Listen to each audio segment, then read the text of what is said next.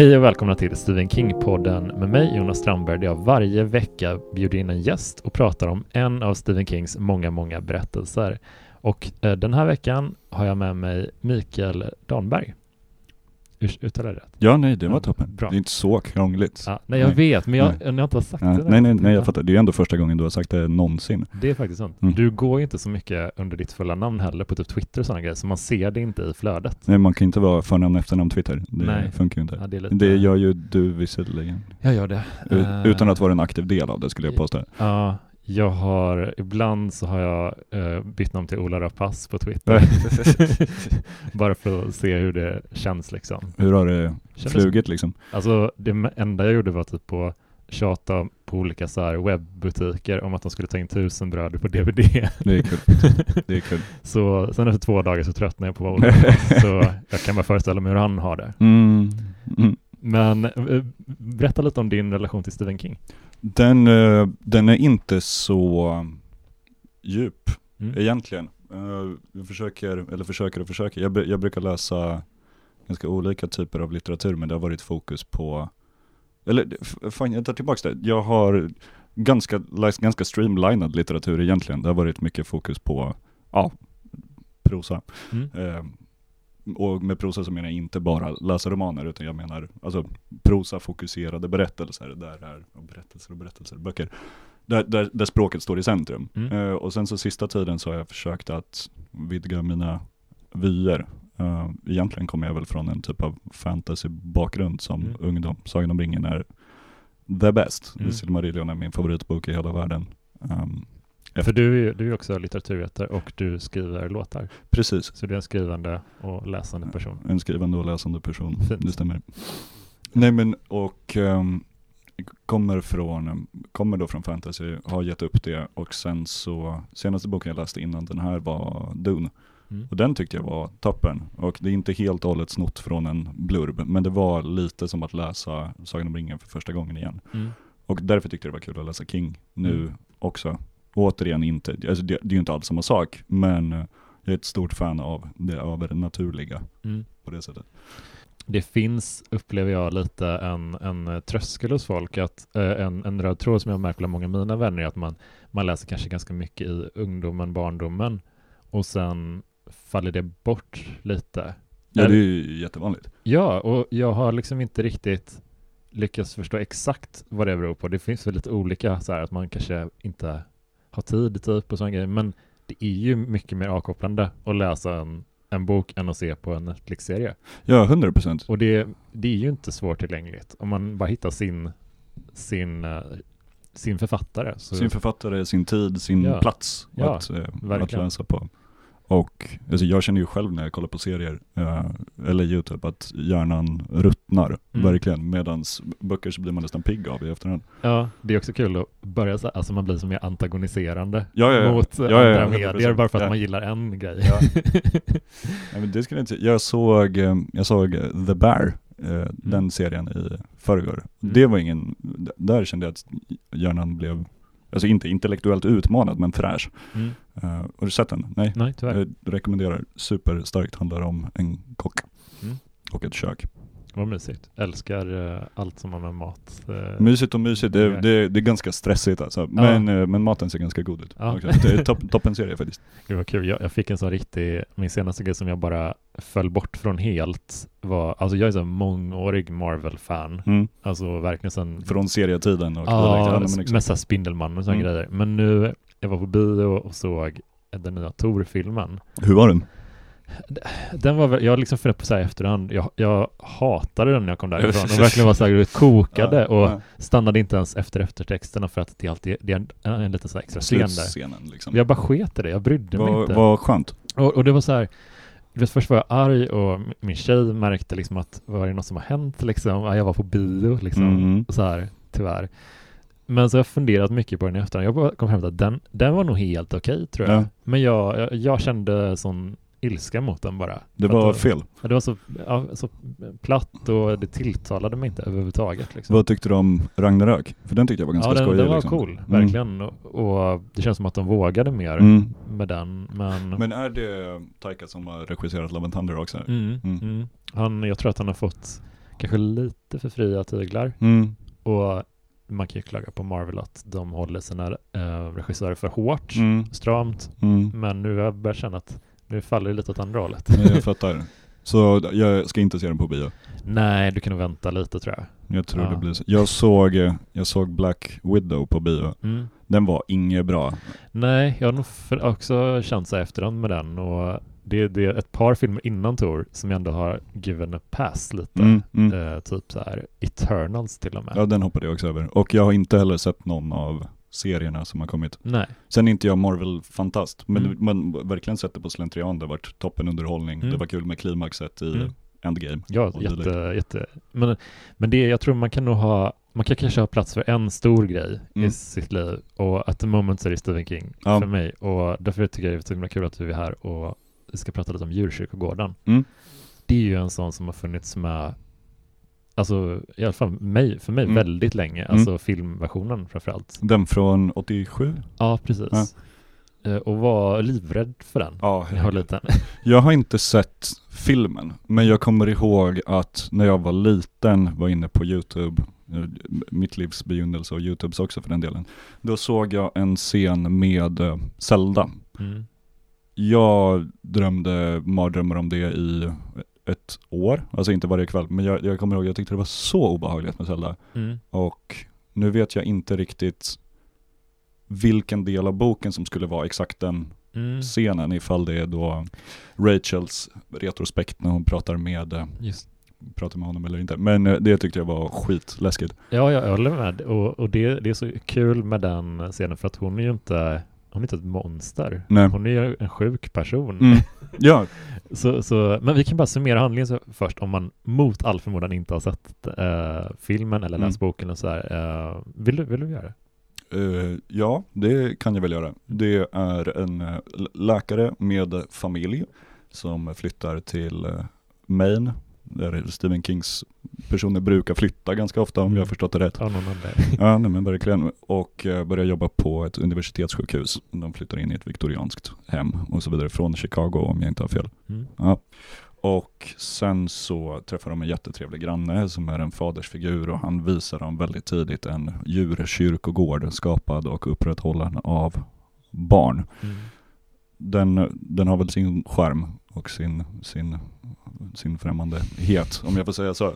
Och sen så flyter livet på men eh, det, det finns någonting lockande och farligt med det området och krafter runt och konflikten börjar väl egentligen, det är svårt att kalla för spoiler eftersom att det står på baksidan, Mm. eh, att familjens katt dör. Mm. Och sen så grannen då, Judd, får läkaren eh, Lewis? Mm. Lewis? Ja, det är svårt att uttala Lewis ifall det ska vara Lewis eller Louis. Men i alla fall får han nog begrava katten bredvid djurkyrkogården. Mm. Och sen så kommer katten tillbaka. Lite annorlunda. Lite annorlunda. Och det, det är en fortsättning. Mm. Ja, men, eh, det är så eh, som bra grundpremiss tycker jag. Liksom. För att det jag reagerade väldigt mycket på med boken versus eh, den äldre filmversionen var Mm. att i eh, filmen då är katten typ diabolisk när Mm. den kommer tillbaka. I Mm. boken så är den mer lite skev. Den är skev. Det är liksom, den plockar in en kråka, men det gör ju katter. Alltså ibland, de jagar fåglar. Ja, Det, det är inte ett helt sjukt kattbeteende. nej absolut inte. Det är bara att den är lite personlighetsförändrad. Den är ju personlighetsförändrad för den var ju, den blir ju kastrerad Mm. mot um, Louis vilja egentligen. Men då strax därefter dör den ju. Mm. Så den har ju sitt någorlunda hankattbeteende först, sen blir den nedtonad, sen blir den återuppväckt och då blir det någon slags off men överdriven version av vad den hade kunnat vara innan. Sån jävla livskris Ja, för men herregud, alltså, det är en tuff vecka liksom. Jag önskar att jag slipper den själv. Men jag tänkte rätt mycket på hur eh, pappan i familjen, läkaren, Mm. han, Louis, whatever, eh, han, eh, han känns, man får följa väldigt mycket av hans eh, känsloliv. Mm. Och jag reagerar rätt mycket på hur, hur kall jag upplevde honom. Mm. Att han är så, han är lite som en sådär nyfrälst ateist, om man Mm. stött på en sån när man har pluggat Mm. sådär, att de är, de har liksom kommit på någonting och de måste tillskriva den eh, åskådningen eh, till andra människor också. Mm. Och han, till exempel så, så vill han prata, ganska tidigt prata med sin dotter om döden och vad som, vad som kanske kan hända framöver och sådana grejer. Medan mamman i familjen tycker att det känns lite sådär. Ja, hon är ju inte ett superfan av det samtalet. Nej, och jag, jag får känslan lite av att båda de är lite varsitt spektra eh, kring det ämnet. Liksom att mamman är lite extrem i, i beröringsskräcken kring döden och Mm. pappan är väldigt, nästan lite konstigt entusiastisk i Absolut. det är bara en del av livet, inga Mm. konstigheter. Va? Ja. Det är, väl, det, är, det är väl någon slags läkarsyndrom för honom på samma gång som, det återkommer ju inte, det, det är ju bo, det är barndom för bådas relation till det hela. Och han återkommer ju ständigt till när hans mor ljög, om hon, ljög för honom om hur barn blir till. Mm. Och hur mycket den lögnen påverkade honom. Medans när han blev konfronterad med döden första gången så fanns det ingen lögn kring det. Mm. Och han tar ju då skapandet av liv i relation, ju- lögnen om skapandet av liv blir ju då så oheligt för honom att han gör förklaringen om döden till liksom motsvarande till sin dotter. Mm. Och det tycker ju inte Rachel supermycket om. Nej, eh, och det som är intressant med honom tycker jag liksom är hur, för den här, den här gravplatsen påverkar honom mentalt gradvis mer och mer. Och det intressanta tycker jag är att han redan från början han känns som ett sånt bra, ett sånt bete Mm. på något sätt, eller som, som är lite lättlockad Mm. på något sätt av den kraften för att han är inte en helt ljus och god person. Han, han, han har mycket kring sig som känns osympatiskt Absolut. och sådär. Eh, Så det är inte som att vi, eh, den här platsen förvränger en, en, en godhjärtad hjältefigur riktigt. Nej nej, utan snarare drar i de, Ja, men hitta triggerpunkterna lite som redan finns där precis. på något sätt. Det tycker jag också väldigt mycket om med, med den här berättelsen. Och- Och inte, när, det, när det är en återkommande grej att det är en plats som gör någonting. Det är en plats, det, är, det finns saker på platsen men det är liksom hela, det, det blir nästan som att platsen i sig är ett väsen, nästan en gud och hur mycket den påverkar sin omgivning. Nu har inte jag läst det, men jag har sett filmerna, både Mm. den som var serie och sen så den moderna versionen. Mm. Och då också hur, om jag minns det rätt, hur liksom staden i sig, och då kopplad till Pennywise och så vidare, hur, hur den bär en makt och liksom en cykel. Och för det här, alltså det här har ju pågått i 3000 år, Mm. verkar ju som, Mm. när indianerna upprättade, upprättade och upprättade platsen, men Ja. märkte av den själva. Och det, den jag gillar verkligen i boken hur mytologin kring den här platsen byggs mycket, mycket mer än i, jag har faktiskt sett båda filmversionerna, det kom en 2019 också, Mm. och Djurkyrkogården 2 tyvärr från Kom den- 92. Kom den tvåa? Ja. Ber- Berätta snabbt om, om Nej, den. den är, Stephen King har väl eh, ingenting med den att göra. Det är lite Nej. som de här Children of the Corn-uppföljarna typ. Men den utspelar sig några år efter händelserna i den första filmen. Det är helt andra människor. Mm. Eh, Edward Furlong från um, Terminator eh, är med. Okej. Och eh, den är riktigt pajig. Ja, ja. Riktigt. Kolla typ trailern så har du hela filmen. Typ. Hur var nya filmen? Den var helt okej faktiskt. Eh, och den behåller verkligen mörkret från både originalfilmen och boken tycker jag. Men Mm. den, den flippar ett par grejer. Om man vill se den så ska jag inte spoila just de grejerna. Men den, den leker lite med vissa, uh, vissa plottelementen typ. Och Mm. skiftar dem lite. Och Stephen King sägs tycka om det. Så att det, Det är som slutet på The Mist. ja typ. Liksom.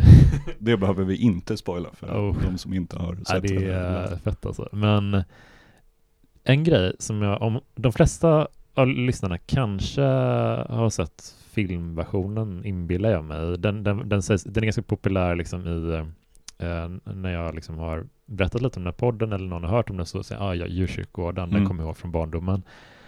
Men en grej som skiljer sig rätt mycket i boken är han grannen Judd. Han Mm. har ju en fru som lever i boken. Och hon lever inte i filmen, nej? Eh, Hon är, hon liksom är inte ens en karaktär. Okej. Eh, inte den nya och jag tror inte att hon gör det i den äldre heller. Nej.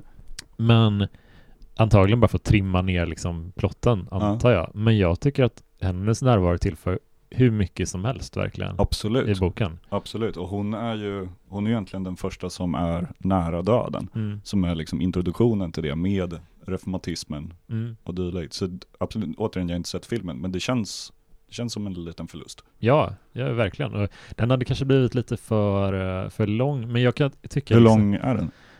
typ en 40. Ja. Ja, det, men, men det kanske är typ att de för jag kände det verkligen nu, för jag läste klart den här typ för bara, bara någon timme innan vi började podda. ja, jag med, fast en halvtimme. Sweet. Ja.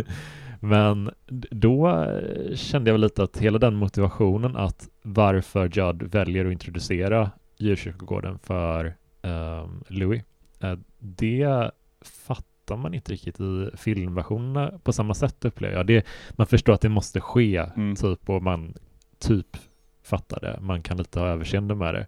Men det är inte en rimlig motivation. Hur, hur är det i filmen då? För i boken är det ju väldigt tydligt eftersom att, det här kan ju inte räknas som en spoiler, Mm. att eh, Louis precis har räddat Normas liv Mm. efter en smärre hjärtattack hon fick. Mm. Och då säger ju Judd, eh, I owe you one. Ja, ja men det det, är det, ett sjukt system de har i USA Ja. med tjänster och gentjänster. Men jag har alltid varit lite imponerad av det. Ja, alltså, men ändå hyggligt liksom. Ja, ja, absolut. Eh, Men han, eh, i, filmen så är det väl bara typ att han eh, ömmar för, för barnen liksom Mm. och vad, vad tråkigt, du kommer vara så ledsen för att din katt är borta, jag, jag har ett trick typ. Alltså det är lite så här konstigt vad det, det, de hoppar lite över. För så är det ju inte i boken. Nej, Det är ju, det, det, det är ju, eller fast, fast drar de det i filmen då fortfarande med hans lockelse till platsen, alltså Judds, eller? Eh, Alltså han har liksom, han berättar själv att han har begravt en, en hund för länge sedan Spot. där. Ja, precis. Dog, eh, begravdes 10 första gången, begravdes 14 Fan. andra gången. Jesus. Ja, den, är, den är rätt hård, men den plotten finns med liksom. Mm. Och sådär. Eh, Men ja, jag har lite svårt att begripa just Judds eh, dragning. Om man bortser från Norma, som hans fru då, som dör. Om man bortser från henne, att va- varför skulle han helt plötsligt börja känna en lockelse till den här platsen som han har bott nära väldigt, väldigt länge? Mm. Alltså jag, man förstår liksom att Louis kanske gör det lite mer. Mm. Vad känner du kring det?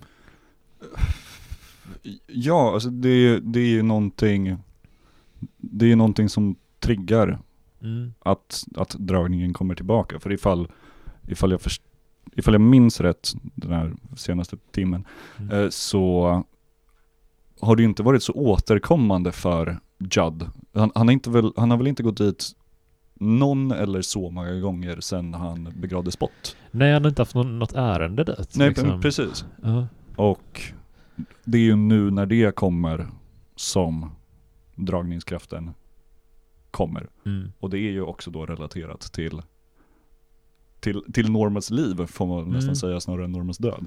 Ja, men det, det är lite, jag noterar det liksom att, att när man, man förstår ändå att man, man kanske börjar plocka bort vissa element för att man ska göra en filmatisering, man får ha lite överseende med det. Men det är någonting, när man gör det på vissa sätt så är det som att det blir lite knackigare Mm. i plotten sådär. Men eh, en grej som jag tänkte väldigt mycket på med den här boken, för nu, nu har jag läst ett par King-romaner i ett svep typ, och det finns mörka element i alla eh, på olika sätt. Men den här kändes alltså som den mörkaste av hans böcker jag har läst. Boken som är så mörk att inte ens King själv ville ge ut den. Djurkyrkogården traumatiserade hela min generation och vi älskade Mats Strandberg. Ja, trevligt. Vilken bra blurb. Det är en bra blurb alltså.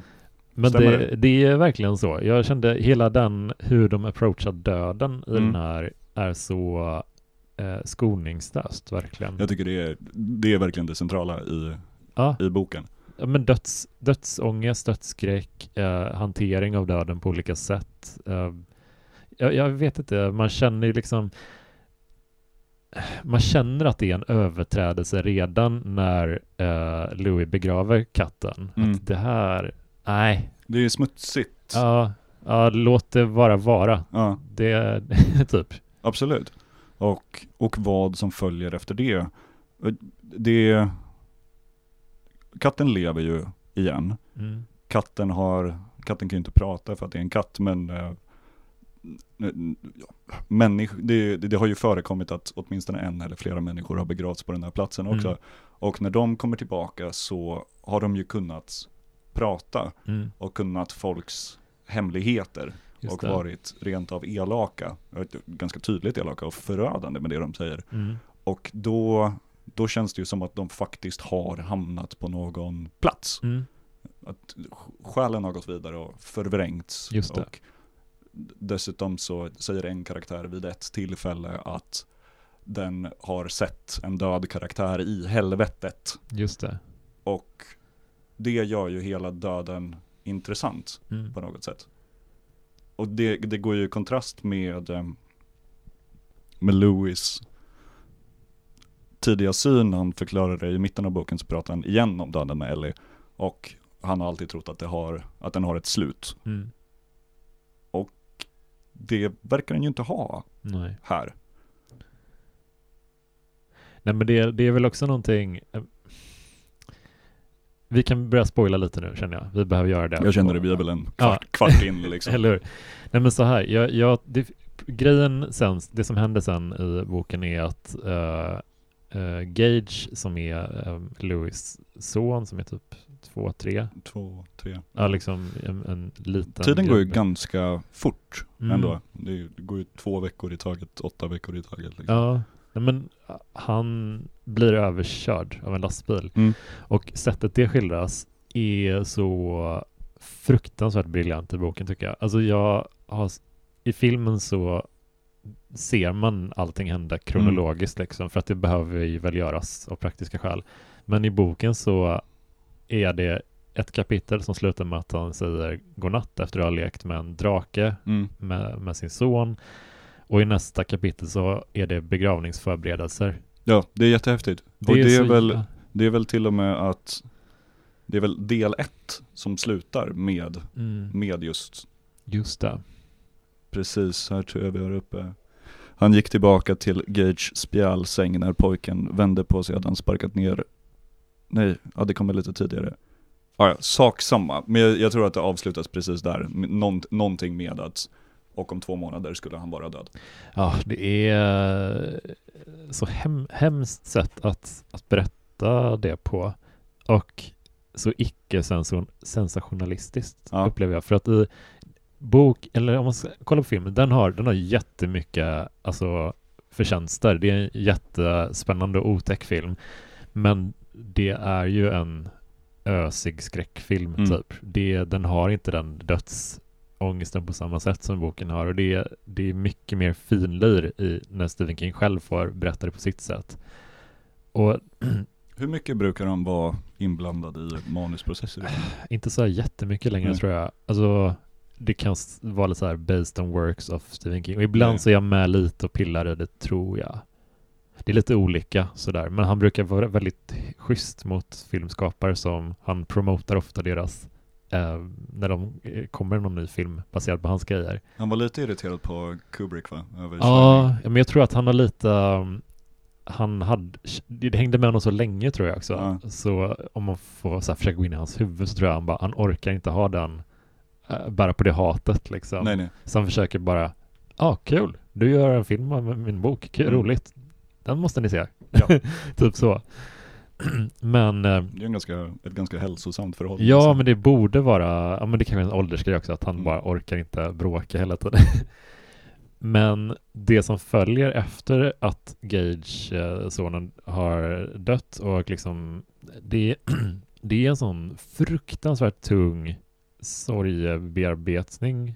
Eller liksom att ett undvikande av Mm. sorgebearbetning. För där kommer ju hans kallelse där fram igen. Ja.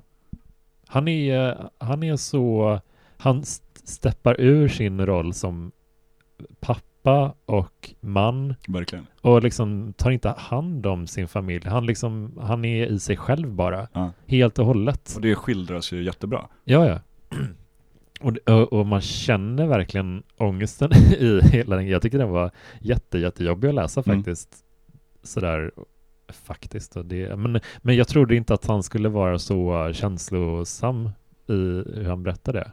Bara. Nej, jag tycker det som känns väldigt tydligt i den passagen också, även ifall det är in, verkligen ett- man är ju inne i, eh, man är inne i Louis huvud då, men jag tycker verkligen man känner Rachels ångest Mm. jättestarkt Mm. genom hans undvikande Mm. och genom hans falska rationalitet kring det hela och dylikt. Ja, och det, det känns tycker jag lite som att när hon öppnar upp sig eh, för Zelda som du berättade om i början, eh, hon, hon förekommer i boken också men hon är inte en skräckfigur på samma sätt. Hon är bara ett, hon är mer ett trauma för, för eh, Rachel då. Men jag tyckte ändå hennes berättelse om Zelda var egentligen en av de obehagligaste delarna Ja, också. ja, ja, det var fruktansvärt. Hon, Och då, och då såg jag också bilden från det här klippet på YouTube Så jag de hade sett. Så det, ja, nej, men precis. Nej men, men där kände jag lite när, när Rachel berättar om det här liksom att hon har haft skuldkänslor kring, att, kring Zeldas död, att Mm. hon, hon var liksom lämnad ensam när hon var åtta år gammal. precis. Och liksom kan inte belastas för det. Eh, men hon har känt det väldigt länge. Hon berättar om det här för sin man och liksom får det av hjärtat. Och det första han gör är bara att börja hälla hat på eh, Rachels pappa som han tidigare har en konflikt med. Han liksom bara använder det som ammunition typ. Mm. Han försöker få henne att hata honom mer. Mm. Liksom. Han kan inte hjälpa sig sj- själv Nej. nästan. Och sen är det typ en aboknas men tänk inte på det. Ja, eh, det är så fruktansvärt verkligen hur, Ja. hur, hur hemsk människa han är. Ja. Alltså när man börjar tänka på det. Han, ja, Det finns vissa grejer typ att, ja men, de försöker bygga konflikten mellan honom och hans svärfar då att ja men svärfar försökte muta honom att lämna Rachel en gång och det är därför han, de hatar varandra nu typ. men när man lä- och när man läser det så känner man ju att Louis är riktigt obehaglig. Ja. Ja, ja. I, i, I den relationen. Man, man sympatiserar ju på något sätt med, eller sympatiserar och sympatiserar, jag vet, jag vet inte om man gör det egentligen med Rachels far. Mm. Men det, det är ju lite av ett opolitligt berättarsätt från eh, Louis Ja. sida, Ja men, ja men hans motivation, eh, eh, Rachels pappa vill inte att de ska ha en relation för att han tycker att Louis är en, eh, ja men en strulig flum, alltså att han, inte, han aldrig kommer klara sig någonstans och sådär. Kommer från en fattig familj, kommer inte kunna försörja sig under läkarutbildningen som eh, Rachel istället ska försörja dem under. Ja, Och han tror inte att han ens kommer klara läkarutbildningen. nej. Och, och det kan man ju hata honom för. Det är ju inte toppen Nej, snällt. det är inte schysst sådär, men det är också någonting som göder en incel-sida, upplever jag lite hos Louis. Absolut. Att han så här börjar bara hata, hata, hata, liksom att han, han klarar ju läkarutbildningen, han har liksom försörjer sig själv och sin familj. Varför bär han fortfarande på den här ilskan liksom? Mm. Det, det, det är mycket som han lagrar hos sig själv Mm, absolut. på något sätt. Men det är ett spännande porträtt av honom. F- för jag har fått lite känslan av att Stephen King, han var, någon, han var anställd av eh, University of Maine tror jag. Mm. Och då bodde han i ett hus som, som påminner ganska mycket till eh, läget om, om det huset de bor i, i boken. Och han, det var rätt många husdjur som blev överkörda därför Mm. att trafiken bara, ja. Och Den, om man har inspiration så mycket från sitt eget liv, då tycker jag det är lite, det är intressant att huvudpersonen, som ofta brukar vara någon sorts Stephen King eh, typ. Mm. hur det kan vara så en sån djävulsk person Mm. bara. Men tycker du man har någon förståelse för hur Louis väljer att hantera liksom, ja men ta, ta förlusten av, av Gage liksom. hur, hur känner du kring den hanteringen? Jag, jag får också intrycket att även ifall, jag vet inte, jag tror inte riktigt vi kan kalla Louis för cynisk, men han bär ju fortfarande på det här hatet inom sig och också i sitt förhållande till döden. Men jag tycker också att det är ju platsen på något sätt som drar det här ur honom. Och jag tror att, jag vet inte riktigt hur jag ska argumentera för det, men jag tror att hans hantering av Gages död verkligen påverkas av platsen. Att det är, att det är platsen som fortsätter att dra honom till att senare begrava Gage igen. Mm. Så jag vet inte om man kan sympatisera med det, men eh, jag tror att man kan förstå det på ett Ja, men jag tror också att vi, vi är så vana vid att läsa om, om en mer hjäl, hjältepersoner liksom. Mm. Typ att, att, att de ska, är lite renare, liksom lite ädlare typ på något sätt. Så när man ställs för en sån här person som, ja men på många sätt en ganska ska, nyanserad person ändå, då känns han smutsigare Mm. eh, än vad han är egentligen så.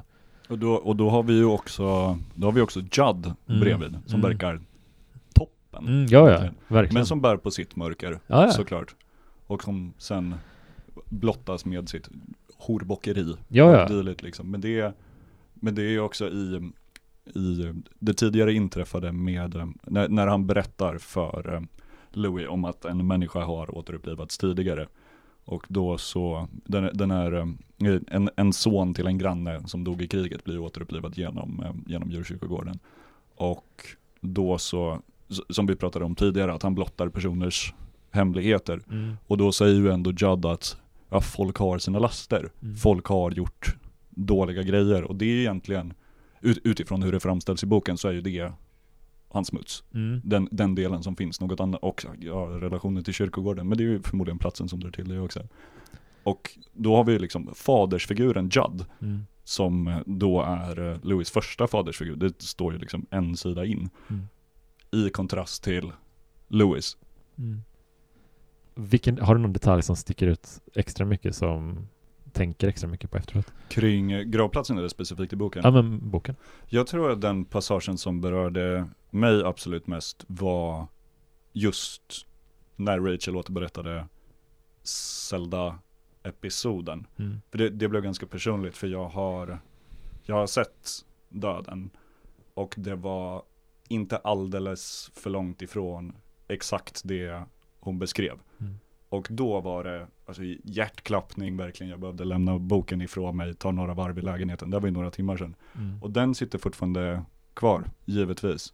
Och det var, det var starkt. Det är lite som, eh, har du sett Fanny och Alexander? Mm. Eh, du vet, eh, verkligen liksom scenen när, när pappan dör och de skriker vid den kunde, jag behövde nästan lämna salongen och det, Mm. det blev också samma typ av liksom totala emotionella reaktion. Ja. Så den sitter verkligen kvar. Mm.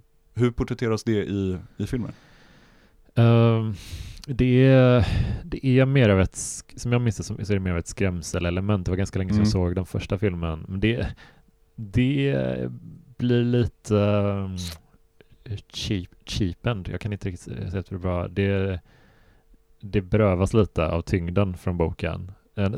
Jag har känt lite så med, med ett par filmatiseringar nu, samma med Shining också, Mm. att när man har läst boken bara gå tillbaka till filmen bara, fan vad tunt det känns. Ja, här. Vad är det som, vad är tyngden? Så.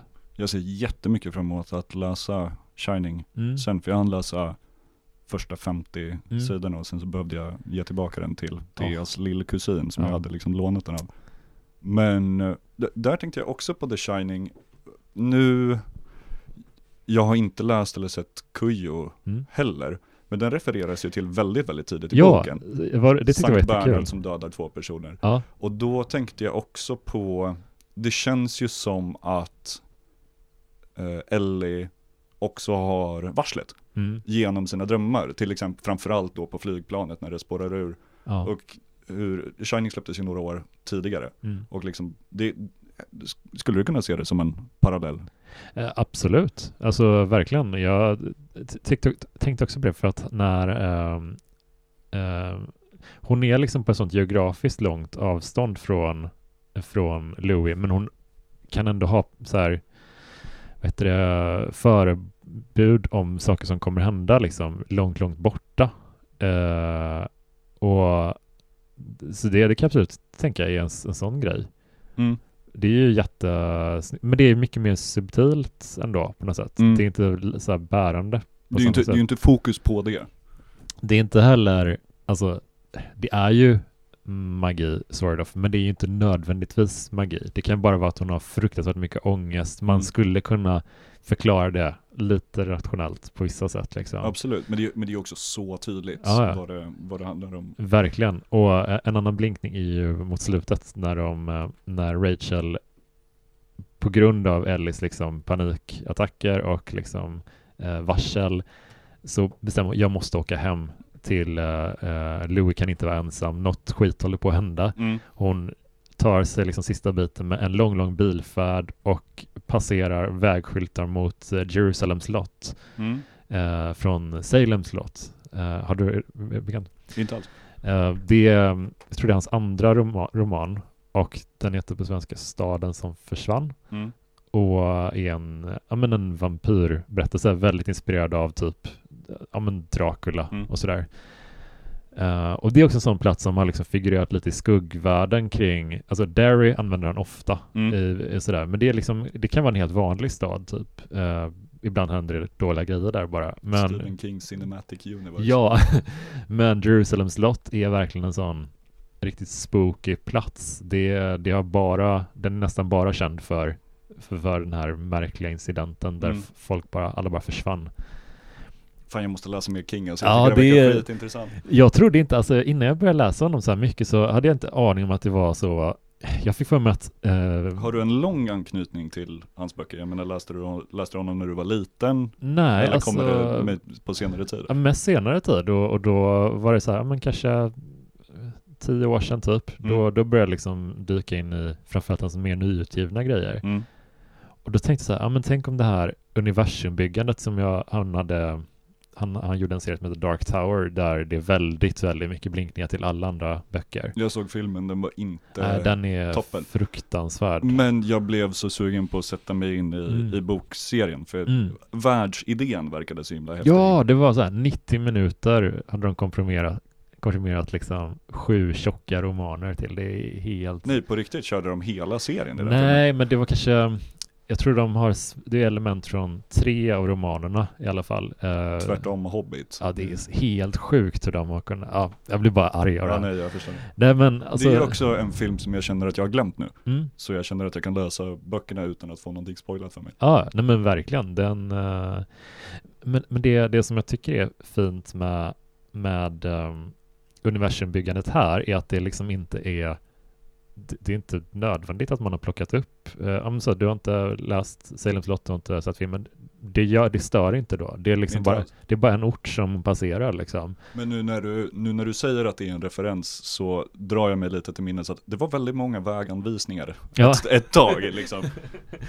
Ja men det blir lite, lite sådär och det, jag tycker det är snyggt hur man så tidigt i sitt författarskap ändå tycker att det är lite roligt att bygga bryggor mellan liksom sina Mm. Det är väldigt romaner.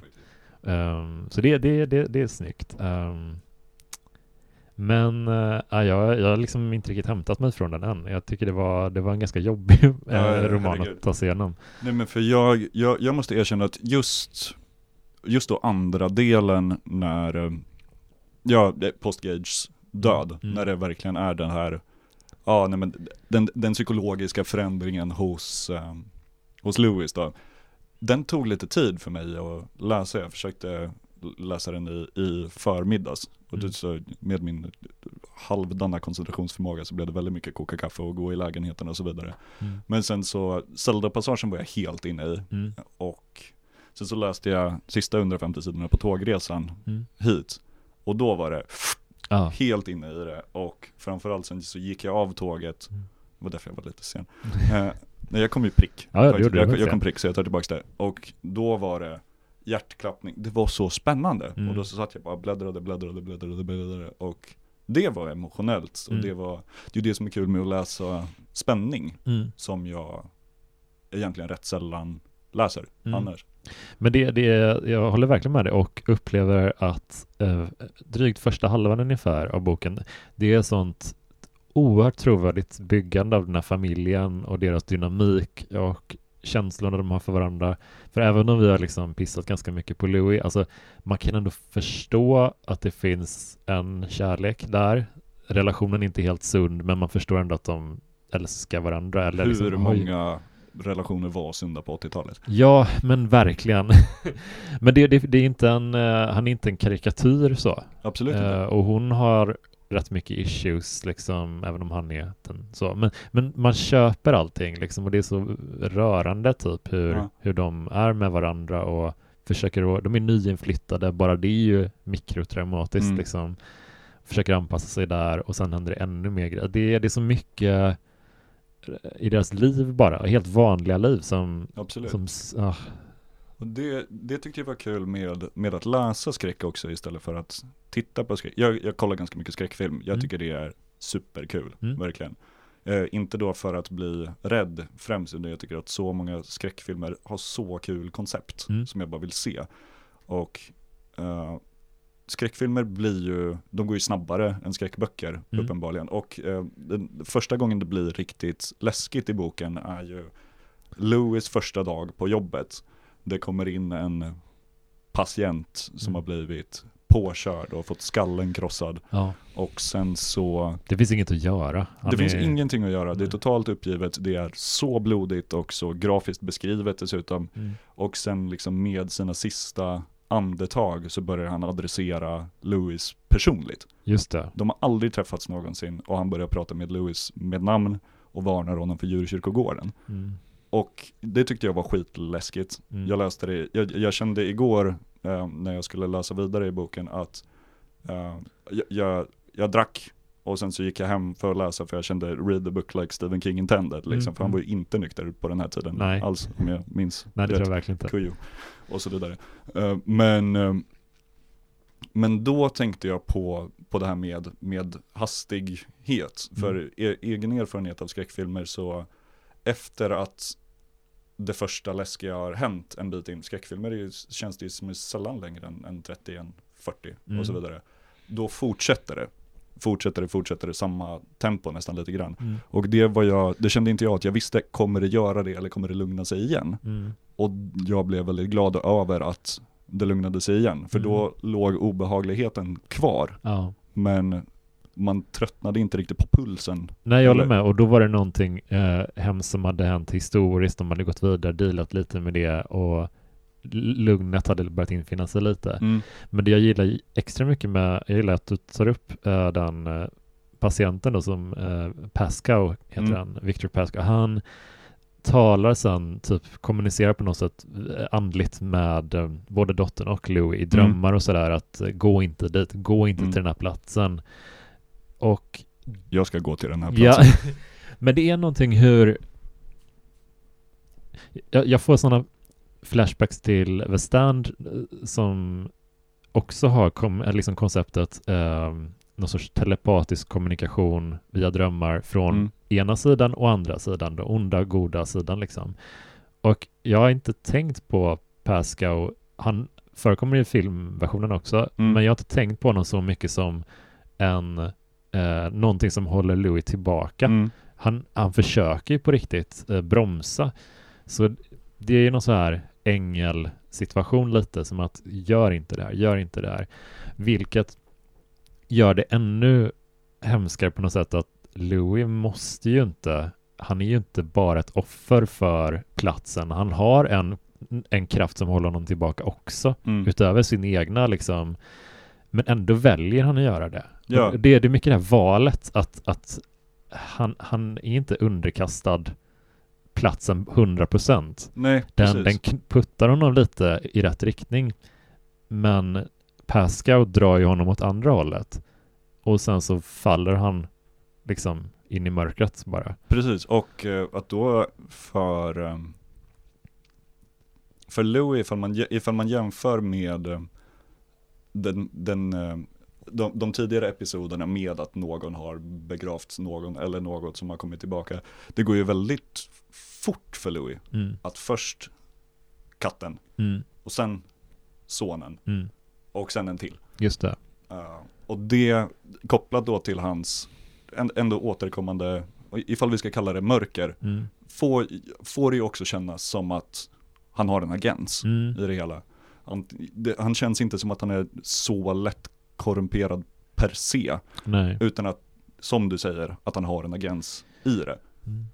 Ja, men man får lite så här, man, jag vet inte om det, det är en jättebra liknelse, men jag får lite så här missbrukar eh, vibbar av honom, typ att han vet att det här är fel beslut, han vet att det här kommer att vara liksom extremt negativt för alla, verkligen. Men han, han börjar liksom bygga upp, han börjar rationalisera bort de känslorna och hitta liksom massa sätt. Ja, men om Gage kommer tillbaka från de döda eh, och är lite annorlunda, då kommer jag behandla den situationen så här, jag kommer hantera det så här. Alltså, han liksom hittar massa ursäkter för att få göra det. Han har, ju, han har ju redan bestämt sig in. Han tror själv i sitt huvud att han är en rationell läkare som eh, ja, men, bygger ett case typ så. Men han vi, har ju redan från början bestämt sig och sen så hittar han massa skäl som ska understödja hans Och beslut. det känns ju inte som att han kopar heller. Utan det, det är det här mm, han vill. ja. Men verkligen, man får ju känna så. Han har ju aldrig på riktigt handskats eh, liksom, jag vet inte. Nej, jag, jag, jag tar tillbaka det. Jag hade en dålig tanke bara. Men vad tycker du om slutscenen när de skiftar perspektiv? Eh, då är det liksom eh, Louis kollega, tror Ja, jag, som ser honom. Mm, Det- Steve, Ja, precis. ja. Det tyckte jag var så, uh, så kusligt på något sätt. Då blev det ju nästan som att Louis själv var begraven och återförd. Mm. För han blev så pass omänsklig Mm. i det, kände jag också. Jag tyckte det var superhäftigt. Han håller någonting vitt. Ja, och, och, och just det att vi har fått följa Louis hela vägen liksom och nu, nu är han så borta ur sig själv. Nu, kan han liksom, nu är han inte ens samma person som han var från början. Så då skiftar perspektivet utifrån att någon ser honom och då, då, då inser vi, vi har ju liksom följt med honom hela tiden, men då inser man på riktigt hur jävla lost han är. Det, det, verkligen. För, sätt. för Steve känner ju inte igen Louis. Nej. Inte alls. Och Nej. det är ju, jo men det blir ju ganska tydligt beskrivet också för när han, när, när Louis har varit med om jobbiga grejer, ifall Mm. vi ska säga det så, Mm. så känner han, jag måste se för jävlig ut just nu. Mm. Han går och ser sig själv i spegeln och han ser inte för jävlig ut. Mm. Det händer väl två eller tre gånger i, i boken i alla fall. Mm. Och där i slutscenen så ser han för jävlig ut. Mm. Han har fått sitt gråa hår, han har fått sina rynkor, han har blivit sprängd i ansiktet. Ja. Och det blir ju tydligt. Han resonerade ju tidigare kring eh, den här soldatsonen som, eller ja, du fattar, som blev begraven. Han Mm. grubblade på hur lång tid tog det? Mm. Och sen så kände han att, okej men Gage har bara, det har bara varit fyra dagar och inte sju dagar, så Mm. därför borde det vara lugnt. Ja. Och, den, alltså och, och soldatsonen, han blev ju elak Ja. och galen, men han blev ju inte diabolisk så att säga. Mm. Sen kortare tid med Gage, Mm. och Gage var ju sned. Ja. Och sen så tänker han ännu kortare tid så att det skulle kunna vara någon förändring. Vad ska det hjälpa liksom? Ja, nej. Men det är för, han, han vill. Mm. Han vill in i det här, Mm. får jag ändå upplevelsen av. Inte Mm. bara att han vill ha tillbaka folk, utan nästan som att han med Gage och sen senare med Rachel och, kanske vill skapa det här mörkret på något sätt. Mm. Ja, men precis. Och och det sist, absolut sista som sker är liksom att han, han är hemma och liksom lägger patient sent på natten och så knackar det på dörren och Rachel är tillbaka. Och sen är det slut. Jo, det här är ju intressant också för han börjar ju med att beskriva den återupplivade katten som han Mm. går väldigt tidigt över till den. Mm. Gage blir, alltså han träffar ju bara Gage under en väldigt kort stund Mm. själv innan han har ihjäl Gage med, med sprutor. Jag kommer inte riktigt ihåg hur han beskriver Gage. Eh, men sen så när Rachel då kommer tillbaka, där är ju absolut sista sidan, Mm. så avslutas det med en kall hand lades på Louis axel. Rachels röst var sträv, full av smuts. Älskling, sa den. Mm. Och då, det, man kan ju tolka det som röst, den, Mm. eller den, Mm. Rachel. Som på en gång då blir ett, Mm. ett, ett ting, Ja, någonting omänskligt. verkligen. Um, den är... ehm, För det är ju inte heller sa Rachel, utan sa Rachels röst. Just det. Åh, ja det är nästan... Ah, Gud vad kusligt. Ja, det, jag fick kårar nu Ja. när vi pratade om det. Usch, ja, hur ska man landa efter den här boken? Ehm, hur brukar du göra när du har blivit så här väldigt drabbad eller investerad i någonting? Vad, vad är din process? Eh, inte tänka på det. Eh, det, är, det är väldigt trevligt att diskutera det. Man, jag skulle säga att man blir väldigt uppspelt. Mm. Och därför var det ju så skönt att läsa klart den för en halvtimme och sen, och sen så kunna diskutera den med dig. Ja, för den saknar ett efterord också. Mm. Eh, han brukar ha ett efterord. Han Mm. kanske har det i någon annan utgåva, men inte i min och inte i din heller. Då. Eh, då, då kände jag bara, men jag vill ha en debrief. Mm. Jag kan inte, så det var skönt att det här kunde vara debriefen. Absolut, och det, det gör ju det egentligen ännu kusligare att det inte finns en debrief. Mm. Det är Så. bara, här stänger vi dörren. Och, ja, och det kanske är en bra plats att stänga avsnittet på också. Sa den. Tack för att du vill gästa och prata om djurkyrkogården. Ehm, det, det var hemskt, men väldigt trevligt också. Tusen tack att få vara här verkligen, det var jättekul. Eh, och om man, precis som vi, har läst den här boken nyligen eller vill eh, snacka om filmen, boken eller Djursjukvården 2 till och med, då kan man hoppa in i Facebookgruppen eh, Stephen King-podden Eftersnack som, eh, eh, ja, och prata om allt som har med Stephen King att göra. Tack för att ni har lyssnat. Hej då!